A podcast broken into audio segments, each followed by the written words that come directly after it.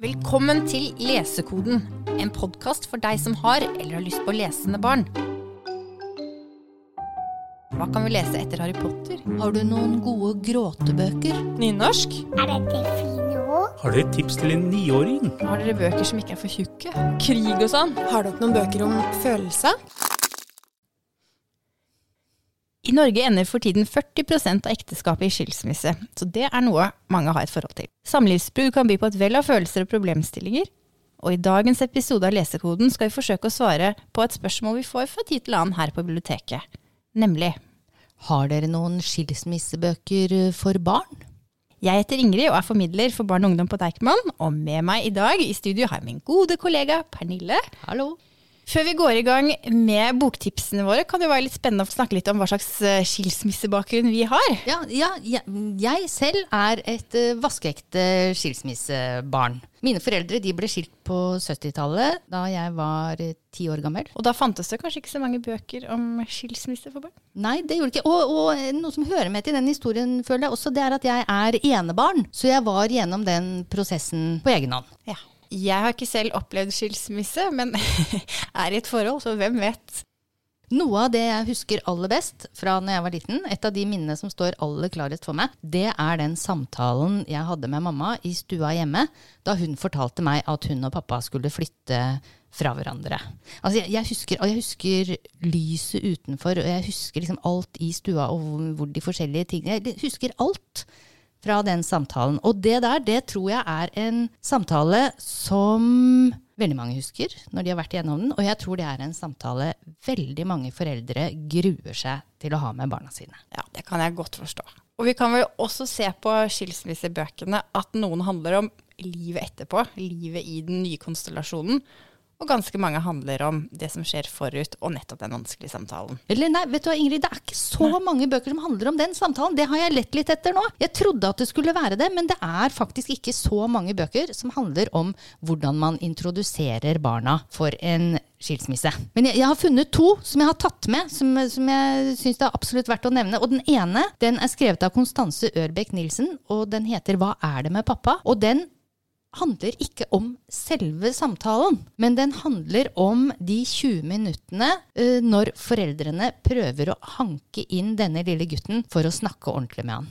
Og man vet ikke helt hva, Leseren får aldri vite hva den samtalen skal handle om. Om det er en skilsmisse, eller om det er noen som er blitt syke, eller noe annet alvorlig og trist som har skjedd. Men man skjønner at det er en historie foran her, og det kommer en historie etterpå. Og så ser man helt tydelig i denne boka hvordan dette barnet reagerer. At han skjønner at det ligger et eller annet i lufta. Det er noe ubehagelig han skal bli presentert for. Og han bare stritter imot med hele seg. Han vil bare være i leken. Den er vel en fin påminnelse til oss voksne som lett kan glemme at barn fanger opp veldig mye. Ja, det gjør de. Og det er tydelig i den neste boka jeg har med her òg. Den kom i 2005. Den er skrevet av Line Baugstø. Det er bok nummer tre i en serie, ø, serien om Tuva. Den heter 'Tuva og de tomme hullene'. Og, altså, den kom ut for 17 år siden, og veldig mye har skjedd siden da. Altså, hva har ikke skjedd? Vi har fått Hedvig Montgomery med, med foreldrekoden, vi har fått alle mulige samlivsspalter i avisene. Ting blir snakket om. Og det er på en måte en forventning i samfunnet til hva som skal skje i forbindelse med en skilsmisse. Det har nok endret seg litt siden 2005. Men følelsene til folk er jo det samme. Og her beskrives det veldig fint hvordan Tuva og søsteren til Tuva har ant hva som skal skje før denne samtalen kommer. Tuva har hørt om natta foreldrene krangler når de tror hun sover. Alle disse gufne middagene hvor foreldrene ikke snakker med hverandre, de snakker bare med barna sine, og stemningen er blytung. Eh, Så, så da den samtalen endelig kommer, så, så sier Tuva 'jeg visste det'. Men hun blir jo kjempelei seg og gjemmer seg på rommet sitt. Og ja.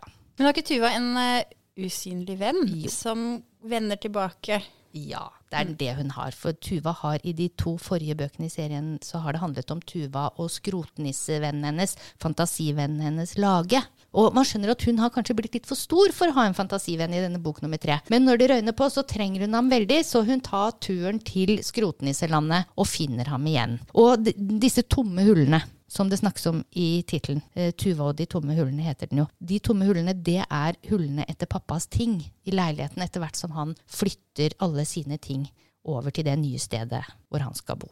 Og da kommer skrotnisselaget og hjelper Tuva å tette disse hullene. Og dette her, det, er- det er, altså Selv om den er skrevet uh, for 17 år siden, disse menneskene de vil det beste for hverandre, og de gjør så godt de kan. Og dette her er ikke på noen måte en håpløs bok. Man skjønner at det kommer til å gå bra med de folka her. Apropos dette med ting, så er det en bok vi har her på Deichman som ikke har kommet ut på norsk, men som vi har på originalspråket dansk. Den heter To av allting av Hanne Kvist. Og den er faktisk nominert til Nordisk råds pris i 2014. Her har foreldrene latt seg friste til å eh, fremstille det som skal skje som noe positivt. For hovedpersonen han får beskjed om å komme og sette seg og snakke med mamma og pappa. Og så sier de vi har tenkt at det skal skje noe nytt. Fra nå av får du dobbelt så mye av allting. Det er friskt. Oh, ja, heldig deg! Og så, så går det liksom inn på det, da, hvor, liksom, hvor flott det er. Og, og så liksom lar han seg Han hører og lar seg på en måte forføre av det de sier, inntil de kommer til det punktet at han skal få ha to hunder. Men han har jo en hund fra før. Det er bestevennen. Uffe. Det er ikke nødvendigvis veldig bra å ha to av allting. Er veldig fin og litt sånn undrende. Den neste danske boka jeg har her nå, av Kim Fubs Aaksson, den er oversatt av Cecilie Winger. Den kom i år. Den heter 'Da Amalie fikk sinnssykt mange bonusforeldre'. Og dette her er også en veldig leken inngang til å snakke om noe alvorlig. Og som vi allerede har snakket om og ledd mye av, fordi den er bare så morsom og fin. Ja, det er den. Og Amalie da, hun bor sammen med mamma og pappa, og plutselig en dag hun kommer ut på badet, så står det en fremmed dame der. «Eh, Hvem er du? spør Amalie. 'Etter heter Mona, sier Mona. Og Amalie går til foreldrene og sier du, det står en fremmed dame på badet. Ja, det er den nye bonusmoren din, sier pappa. Har du ikke hørt om bonusforeldre? Og, og det er bare starten. For etter dette så bare dukker det opp den ene bonusforeldren etter det andre. Menn og kvinner strømmer til leiligheten og flytter inn. Og alle vil bestemme hva de skal ha til middag, og alle vil lese høyt for Amalie på senga. Og de er veldig forskjellige. de er veldig forskjellige. Amalie blir mer og mer sliten. Foreldrene hennes virker kjempefornøyd, men Amalie begynner å bli veldig lei. Og det topper seg på en sånn skoleavslutning, når alle bonusforeldrene skal være med på skoleavslutningen. Og da tenker han at dette går ikke, så hun sier til foreldrene sine at dette, det, jeg vil ikke dette mer. Og da sier de ja, nei, ja, ok, vi skjønner det, og vi har forresten tenkt å flytte fra hverandre, for det fungerer ikke så bra med mamma og meg, sier pappa. Eh, Og da bestemmer Amalie at de kan få velge én bonusforelder hver. Og det gjør de, og det blir en lykkelig løsning som alle er fornøyd med. Så også en interessant strategi. Ja, det kunne vært mye verre. Du er ganske heldig med dette utkommet. ja, ja, ja. Amalie blir kjempefornøyd. Erika Fatland er jo en forfatter mange kjenner som en av våre fremste sakprosaforfattere. Men hun skriver også barnebøker. Og det er helt fornøyelig lesning. Hun har sjøl sagt at hun er inspirert av Roald Dahl, og det ser man på stilen. Hun har, og Debutboka hennes faktisk, den er denne, 'Foreldrekrigen'. Og der blir vi kjent med Amanda, som er ti år og går i femte klasse. Foreldrene hennes de har allerede kultivert det å krangle. De på en måte elsker å krangle, så det er hun veldig vant til. Men en dag skjer det noe underlig. Faren drar faktisk etter en krangel og kommer ikke tilbake. Det som skjer da, er at moren bestemmer seg for å eh, prøve å forgifte faren. Eller først og fremst farmoren, som allerede har tatt farens parti i dette. Og hvorpå faren svarer med å gi moren en liksom lekker gave, en sånn lekker ansiktskrem, som viser seg å være en slags, eh, ja, noe som gjør at det begynner å dryppe noen rare greier fra, fra moren. Og da er krigen i gang. Og altså, De tar helt av. De legger ut landminer. og, og eh, jeg tror bygger en mur. Og det er bare en reell krigssituasjon. Og Amanda finner også en slags alliert i en, en, en sur nabo som hun bare kaller for obersten, og som har eh, si, krigserfaring. Så det blir en slags vei ut gjennom det. Men det er en spinnvill bok. Og som den er illustrert av Per Dybvig! ja, Ah, ja, det er, det passer. ja, han har annet illustrert Reven og Grisungen har veldig rampete strek. Og dette har jeg hørt at er en bok spesielt for gutter, som ikke er så glad i å lese. Oh, ja, men du, og den funker jo så bra som høytlesningsbok òg. Ja. Og da trenger ikke de man leser for å gå i femte klasse. Nei, da kan de være ganske mye yngre. Ja. Så det er rett og slett lattervekkende, men også tankevekkende skilsmisselitteratur. Og apropos det jeg sa nå, at dette er en bok som nok passer godt for gutter som ikke er så glad i å lese, så har vi et slags Er det et hjertesuk, eller i hvert fall noe til ettertanke? Ja, fordi det har blitt litt tydelig, jeg synes, når jeg har gått gjennom disse bøkene. Og uh, de bøkene vi har plukket ut nå, det er bøker som handler spesifikt om skilsmisse og det å gå gjennom en skilsmisse, eller å leve i resultatene av en skilsmisse, hvor det er et hovedpoeng i handlingen. Og da i disse bøkene så er det flest jentehovedpersoner, faktisk. Så vi, vi savner litt uh, bøker uh, med en guttefortellerstemme, uh, hvor skilsmisse er et uh, tema. Ja, Så hvis noen forfattere skulle tilfeldigvis høre på det vi sier nå, det er et hull i markedet for gutter og bøker om dette temaet. Ja. Tilbake til det med krig. Nå snakket jeg da om en eh, hva skal jeg si, morsom krigføring i skilsmisseøyemed. Her er en annen bok av eh, Gro Dale, illustrert av Kaja Dale Nyhus, som heter Krigen. Og det er en mye mer alvorlig bok, eh, som jeg først og fremst tenker passer for voksne, som må huske på hvor tøft det kan være for barn å gå igjennom. Og også, når man sier til barna å, vi bare diskuterer, det er ikke det nødvendigvis de hører. Det høres mye tøffere ut. Og, og den dragkampen, hvor krevende det kan være. Hovedpersonen i denne boken blir helt utmattet. Hun heter Inga, og hun tror jeg liksom går inn i en sånn omsorgsrolle overfor de andre søsknene. Og den sier også på et tidspunkt, eller viser eh, hvordan en skilsmisse kan være veldig forskjellig for de ulike barna i familien. Men det er en veldig eh, tung og dyster bok, men den viser også at man kommer ut på andre siden. Ja. Og for barn som, som har røffe erfaringer med hvordan skilsmisse kan være, det er veldig bra å få erfaringene sine bekrefta da. Ja. Og det er ikke alle bøker som er ment å være for alle barn i enhver situasjon. Noen bøker er skrudd sammen for å passe for noen barn når det trengs. I Heidi Lindes bok 'Olivias to liv' annenhver uke, der er det ikke krig. Der er det harmonisk og fint. Og det, Olivia hun lever i en skilsmisse som har vært der siden hun var bitte liten og nesten ikke husker noe av det. Hun bor halve tiden hos mamma og den andre halve tiden hos pappa. Og hos mamma, der har hun en eh, stefar, og hun har fire stebrødre og fem kjæledyr, og alle sammen bor trangt sammen i en trang leilighet.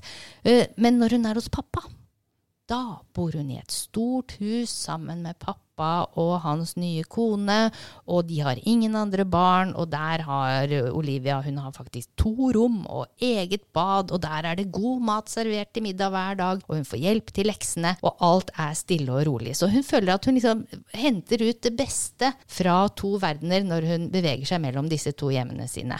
Men så skjer det ting som forrykker balansen. Det kommer en ny jente i klassen, og pappa og hans kone de kommer med en stor og viktig nyhet som uh, virkelig kaster rundt på alt i Olivias liv.